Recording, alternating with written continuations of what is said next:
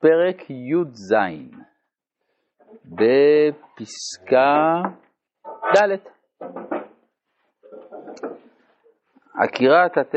אמנם ההקלטה הקודמת לא הייתה כל כך טובה, אבל כדאי להתאמץ כי אומרים שזה היה שיעור מעניין. פסקה ד' עקירת הטבע של קדושת היהדות. היא היא הגורמת לכל בלבולי הדעות. באים להתחכם ולמצוא בסברות והגיונות, דבר שצריך למצוא בעצם ההוויה הנפשית ובטבע הרוחני וגם הגופני של הכלל כולו ושל כל אחד ואחד מישראל בפרט. טוב, מה הוא מתכוון? יש משפט יפה של אה, פרופסור לוינס, הוא אמר, כששואלים מהי הזהות היהודית, זה סימן שכבר התרחקת ממנה. זאת החתול לא שואל את עצמו אם הוא חתול. בדיוק. בדיוק. טוב. מה לעשות? כי אנחנו בדור שהשאלה של הזהות היא שאלה מרכזית. אני צריך להיות מודע שהתרחקנו ממשהו.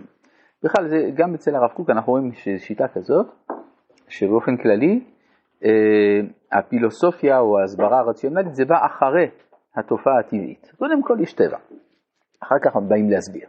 כן? לא, לא ההסבר יצר את הטבע. אבל אדם לא שואל את עצמו מי אני למשל. ודאי, יש אבל הוא... מודעות שאין לחיות, אז כן, לכאורה זה לא נכון. אבל לא השאלה יצרה את האדם.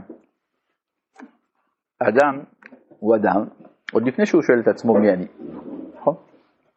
אז ברגע שאני במרחק מסוים מעצמי, זה לא שזה שלילי, אבל זה יוצר בעיות.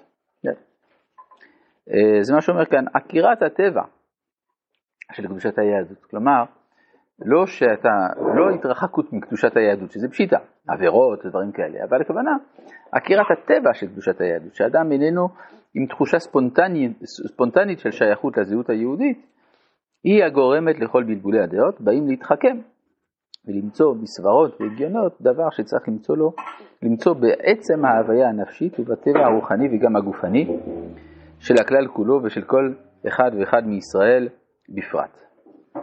באמת בספר אורות יש פסקה בכיוון הפוך קצת, על כך שדווקא בגלל שאנחנו כל כך דבוקים בטבע הישראלי שלנו, שזה מונע את בהירות הדעת. ולכן יש זמנים מה שנקרא נסירה. נסירה שבהם האדם יכול לה- להעלות בספק את כל זהותו, לגמרי. כן? זה תהליך, תהליך כואב. תהליך כואב, יש לו לפעמים תפקיד... אדם וחווה, לא? Hmm? בדיוק. כן, אז באדם וחווה זה באמת בעיה, הוא נרדם. כשאדם נרדם הוא לא יכול לעשות כלום. כן, הוא לא יעיל, הוא דם. והוא נשם. אבל אה, בסדר, אבל זה, זה גם תהליך לא שלי. גם. טוב.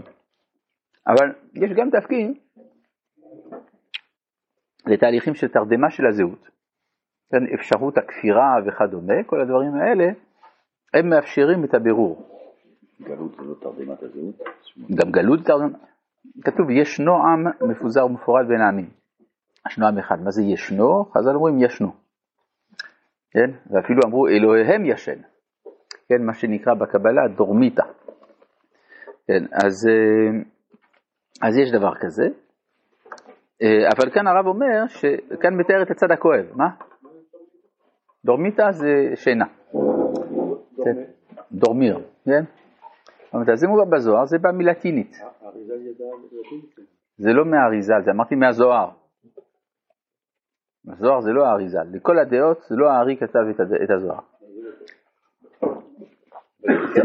מה? כשמדברים על הארי, תמיד חושבים פה על הזוהר. זה נכון, זה נכון, זה נכון, באמת יש קשר. כן, היית חסר. אה, הפרת ברית היא זו, הזנחת הטבע היהדותי במעשה, ברעיון, ברגש ובמחשבה, ברצון ובמציאות. כן, כלומר כאן כל מיני דרגות של ניתוק. יש ניתוק מן המעשים, אדם עושה עבירות. רעיון, כבר האמונות שלו, הרגש והמחשבה, הרצון והמציאות, אין טירופה למפיר ברית, כי אם תשובה אל הברית. האחוזה בתכונת הקודש של ישראל בחוזקה, שובו אליי ואשובה עליכם.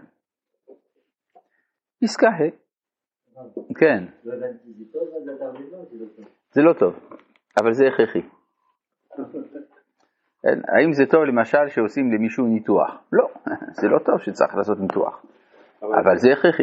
אבל הרב קוק בחדריו הוא כותב שהוא מחפש אולי איזה זמנים שהוא יפסיק ללמוד כדי שהוא יגיע להישגים, אה, להבנות אחרות.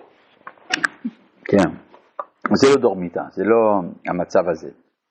ההפסקה של הלימוד זה לא בשביל אה, להתבטל, כן? הוא לא הולך עכשיו לשחק אה, שחמט, כן? אלא זה בשביל לעסוק במחשבות שהן מעל הלימוד, משהו אחר.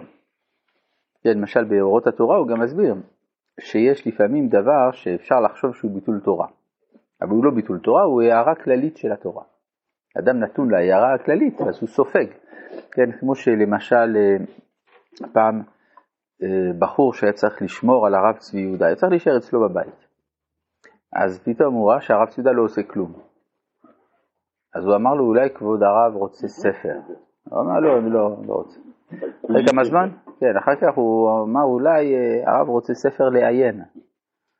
הוא אמר, אני כולי עיון. כן, כולי, כן. כלומר, הוא לא- הוא לא צריך את הספר הספציפי הזה. כן. כן, אה, חבל שלא יוצא לו לשחק שח. יכול להיות, לך תדע, לך תדע. יש יום אחד בשנה שמותר לו לשחק כשחמט. זה- זה הערב.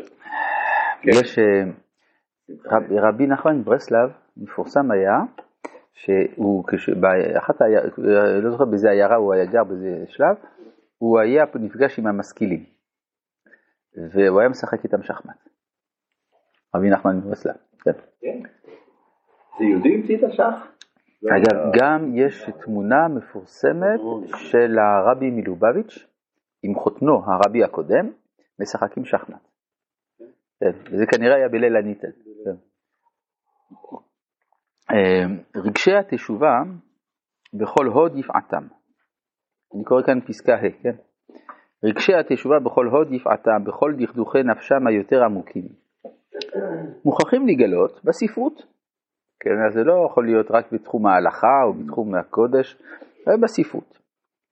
למען ילמד דור התחייה את התשובה בעומק נפש, בתכונה חיה ורעננה ושב ורפה לו. כשהרב כותב ספרות, זה מתכוון כל התחום של היצירה, כן? בימיו זה עיקר העניין היה. היום יש יותר, יש הרחבה מאוד גדולה של התחום התרבותי. אפשר להגיד שזה קרה בדורנו? אה, כן, אורות התשובה. אורות התשובה זה ספר כזה.